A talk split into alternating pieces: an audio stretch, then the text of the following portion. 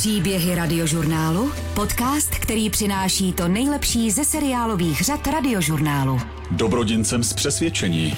Někdy prostě přijde pocit, že musíte udělat něco, co považujete za správné, bez ohledu na důsledky, anebo na to, zda za to přijde nějaká odměna. Prostě chcete mít čisté svědomí nebo dobrý pocit. A dnes pro vás máme hned několik takových inspirativních příběhů. V podcastu radiožurnálu o dobrodincích z přesvědčení, o lidech, kteří svůj volný čas věnují pomoci přírodě nebo ostatním. Někdo sbírá známky, jiný pivní tácky, tak třeba dva sedmdesátníci ze středočeského týnce nad Sázavou se během cest po světě zaměřili na sbírání semen z různých stromů. Díky nim tak v týnecké části Krusičany místo skládky vzniklo ojedinělé arboretum. Uslyšíte i to, jak v Hlučíně na Opavsku zvelebuje parta lidí několik stovek hektarů půdy a snaží se vrátit krajině původní podobu. Představíme dnes i podnikatele Jakuba Vinčálka, který si klidně mohl na Šumavě postavit honosnou chalupu. Místo toho ale ve vesničce Vatětice jako první obnovil kapli, která nepřežila komunistický režim. A bývalá manažerka nadnárodních firm Bára Škrbelová zase obnovila knihovnu zapadlé obci na Bruntálsku. A Pavel Halada už téměř 20 let obnovuje středověkou tvrz v Kestřanech na Písecku. Je čas vám představit s našimi regionálními reportéry Dobrodince z přesvědčení.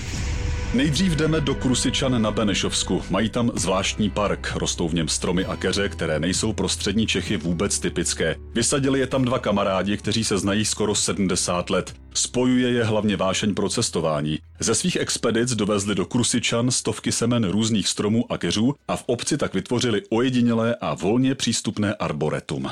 Tamhle ta jedlička, tam před tím keřem, ta je z Yukonu, ta bříza vedle té z Aljašky, a tamhle ta borovice, to je z pobřežních hor Britské Kolumbie. Jan Krejčí mě provází arboretem v Krusičanech. Před tím rokem 89 tady bylo obecní smetiště a vzhledem k tomu, že jsem tady bydlel a nelíbilo se mi to a mám strašně rád stromy, tak jsme to tady s pomocí Luďka, doktora Šefrny, jsme to tady vyčistili, že to budeme udržovat a založíme tu takový malý arboretum.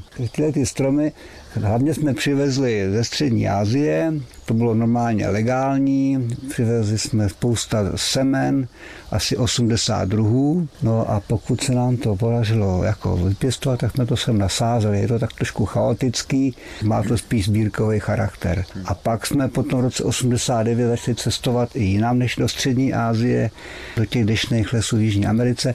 Ty mě teda uchvátili, tak jsem chtěl vidět i dešní lesy v Severní Americe, a kdyby nebylo covidu, už bych tam byl zase minimálně dvakrát. Pánové, při těch vašich cestách, co jste zažili takové nejzajímavější, nejdramatičtější? Když jsme v Patagonii spolu zabloudili. Bylo to drsný a bylo to nádherný. Luděk Šefrná, druhý tvůrce. Ta naše první cesta, to nebyly žádný GPSky ještě, navigace a my jsme měli s tím italským kolegou sraz v Chile na pobřeží a my jsme byli v Argentíně. A tak jsme jenom věděli, že máme jít po západu slunce a přejít hlavní hřeben Ant, aniž jsme věděli, kde přesně jsme. A, a to byla naše taková jako nej, nejromantičtější cesta, že jsme opravdu žili v tom lese, v ohně jsme dělali. Co tady okolo nás roste? Tohle ten nalevo, to je kryptomery japonská, to je ekonomická dřevina japonská. Tenhle ten ještě, to je smrk, smrk sitka, ten je z pobřeží z Tichého oceánu z, z Britské Kolumbie, to je originál. A tenhle naproti, to je sekvojovec, sekvojovec obrovský, převzal jeden můj kamarád a sebral ho pod tím nejvyšším stromem na světě, co je ten generál Sherman. Tady teď jdeme okolo takových uh, malých listnatých stromů. Papírovník je originál z, z Číny a on má takovou vlastnost, že se mu krásně dá sloupnout kůra. Číňani po rozklepání ho používal jako papír. Když eh, tady chodíte a díváte se na ty stromy, tak vzpomínáte třeba i na ty vaše cesty, že je to vlastně takový váš stále živý obraz? Určitě, tak to my tady děláme takovýhle exkurze si sami, ale i jako pro některý lidi, když byli tady i studenti dendrologie, snad to i podnítí potom takový zájem i jinde, že, že se dá dělat něco nejenom pro vlastní prospěch, ale pro jaksi obecný potěšení. Arboretum je volně přístupné všem a má jediné pravidlo dívat se a neničit. Z Krusičan Věra Hájková. To byl příběh první. Na začátku toho druhého byl nápad obnovit jednu starou polní cestu. Pak přibyla další a mezi lány polí u Hlučína na Opavsku se objevil i kus původní louky. Tomáš Matýsek se rozhodl vrátit krajinu do podoby před zemědělskou kolektivizací. Takhle se ve Slesku mění před očima na 300 hektarů půdy. Je to vidět už z dálky, mezi nekonečnými lány je něco jinak. Úzký pás divoké louky a stromy vysázené jako budoucí stromová kaple. Teď se nacházíme na lokalitě na Třetině. Je tady obnovená polní cesta, která je osázená stromořadím. Poté jsme přišli. Zde jsme přišli, přesně tak. A tady je jedna plocha, kterou jsme vlastně výmuli z toho produkčního zemědělství. Pro představu na jedné straně pole, tam je pole na druhé straně a my jsme mezi. A my jsme, my jsme mezi, my jsme vlastně v takovém malém obdelníku ve velkém řepkovém lánu letošním a vedle je velký kukuřiční lán. A je tady to několik směsí prostě travobylinných, tak aby tady bylo co nejvíce květů. Tomáš Matýsek je lesník a někde venku je vlastně pořád. Když se vrátil do svého rodného města, nechtěl se, jak sám říká, dál dívat na to, jak se třeba právě tady stala půda jenom výrobním nástrojem. Sází také pásy ovsa, slunečnice, kvůli pestrosti a to, co je pro jiné nechtěným plevelem, má v těchto pásech naopak velký význam. Na ty plevely jsou zase navázané různí živočichové hmyz a celé to zapadá do sebe ta mozaika, jak má být. Takže my se snažíme tady vytvořit síť takových ekologických stabilizačních ploch, tady na těch 300 hektarech a těch ploch vlastně už takhle založených máme přes 14 a je to taková vlastně síť. Dal dohromady postupně asi 30 členou partu lidí, založil spolek Žít s krajinou. Na zelených ostrovech hospodaří chtějí dál obnovovat i tůně, vznikají malé sady a místa k odpočinku. Eva Kotková neváhala. Já teda jsem včelář, takže jsem eh, už dřív prostě koupila nějaké malé pozemky, nějaké zahrady, jenom, jenom za tím účelem, abych to nechala tak. Jo, jako. Pak když jsme se o tom začali bavit, tak nám to přišlo smysluplné a je to jediná cesta zatím, jo, co, jak se a bylo to těžké domlouvat se třeba s těmi zemědělci? Eh, je to těžké, je to velmi těžké. Je takový terén prostě rozorat všechno, každý centimetr, takže chodníček, kteří si lidi vyšlapou, protože se chtějí dostat od lesa, od něko, to všechno rozorají, úplně všechno. I když tady jsme sázeli stromky, i když se to zveřejňovalo na Hlučínském fóru, tak se několikrát stalo, eh, že prostě nám to rozorali. Je to těžké, dost lidí tohle nechápe, ale postupně se to snad zlepší, dodává Tomáš Matýsek. Vyjednává se zemědělci, chodí na radnici, domlouvá výpůjčky pozemků, bojuje o dotace. Jsou tady rozpory s těma velkozemědělcema, kterým to prostě moc povůli není. Jednak jsme jim nějaký plochy vzali, nemůžou hospodařit, jednak jsme jim nějaké velké lány protnuli těma cestama, ale dneska už je to vlastně tři čtvrtý rok, který tady tu činnost děláme a svým způsobem už to našlo i třeba i pochopení u těch zemědělců, třeba teď dokonce ten velkozemědělec obnovil sám od sebe jednu historickou polní cestu. O sobě moc nemluví, raději bere spolu s dalšími do ruky hrábě, kosu a nebo rýč. Pořádá přednášky a debaty a veřejné akce. Věří, že se tak do kusu krajiny kolem Hlučína, Darkoviček a Bobrovníků zase vrátí příroda. Z Opavska Martin Knidle. Příběhy lidí, kteří dělají dobré skutky pro druhé, představujeme teď v podcastu Radiožurnálu. A dalšího dobrodince z přesvědčení jsme našli ve Vatěticích na Sušicku. Po druhé světové válce a nástupu komunistického režimu v obci ubylo lidí, v pivovaru a lihovaru se zabydlel dobytek a z kaple zbyla jen hromada kamení. Zhruba před deseti lety ale do Vatětic zabloudil podnikatel Jakub Vinšálek z Prahy. Původně si tam chtěl postavit rodinný dům. Místo toho ale jako první obnovil zbořenou kapli. Pán s vámi. Letos v září přišli lidé k nové kamenné kapli Pany Marie Bolestné se zvonem a skleněným oltářem už na pátou výroční poutní mši.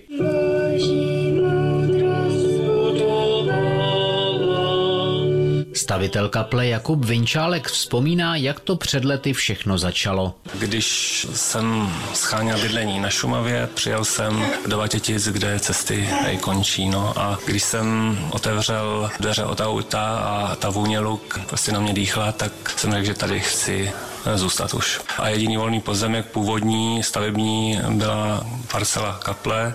A Jakub Vinčálek s rodinou tady tu svatyni postavili za své. Ano, a ta rodina, to je asi to nejdůležitější, bez nich bych to asi nedovedl. Vy jste použili i materiál, který tu byl už. Jednak kamen, který byl schrnut vlastně z té původní kaple do rybníka a u cesty stál bývalý pivovar, tak vlastně jsme některé ty kameny vybrali z těch staveb, co k tomu přináležely. No. Tak teď jsme došli do další budovy, kterou nebylo potřeba stavět. Nicméně zůstal tady v takovém žalostném stavu. Co to původně bylo? To patřilo k pivovaru. Vy to opravujete. Nejdůležitější teď bylo zachránit ty věci, jako je střecha, statika. A to je krásná kamenná stavba, původní a velká, dvoupatrová. Jo, jo, to je stará německá práce. A měl by to být prostor veřejný? Určitě. Tady se vejde stovky lidí, je to prostor krásný. V podstatě nevím, co zde bude.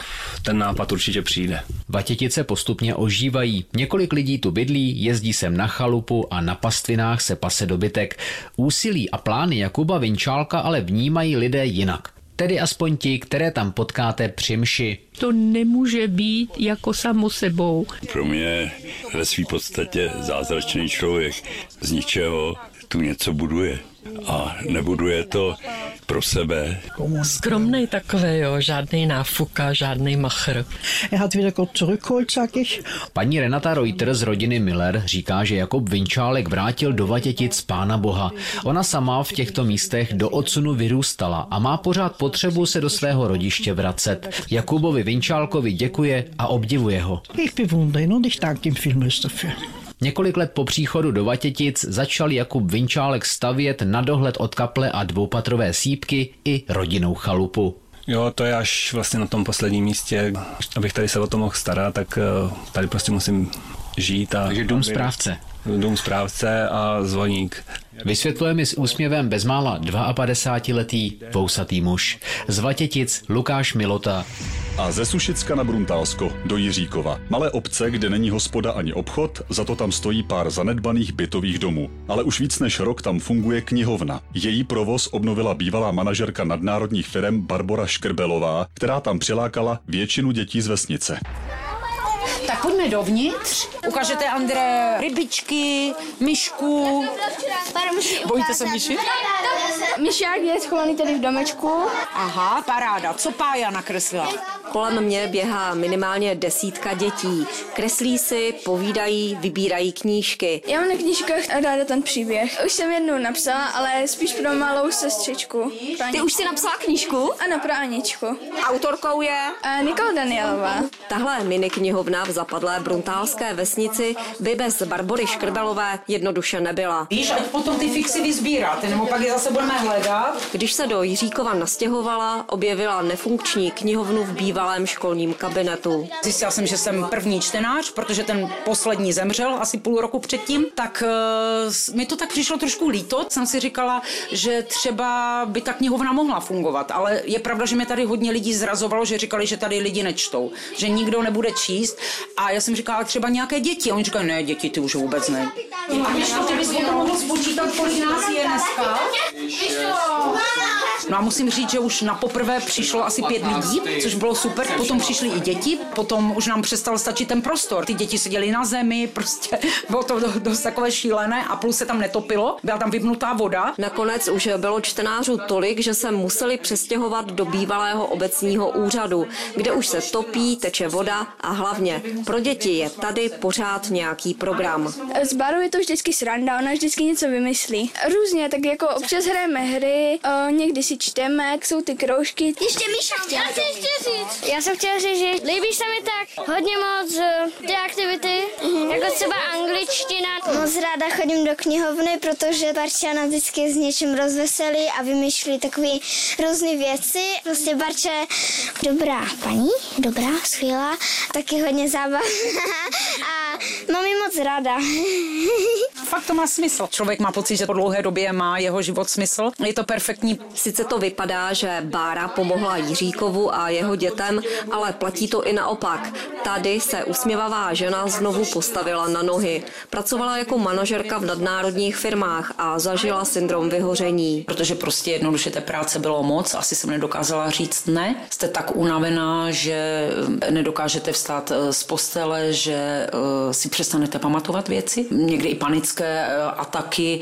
Já jsem si to vzala pro sebe, že to jsou takové dveře, které se mi otevřely, že jsem, já nevím, 25 let eh, byla manažerkou ve výrobních firmách, tak najednou můžu být čímkoliv. Tady máte třídy, jako vždycky, jo, kreslíme tady odsud, tady auto paní Diany necháte na pokoji, jo. Když je hezky, vezme Bára děti ven na takový asfaltový plácek, kde si mohou kreslit. Počkat na všechny.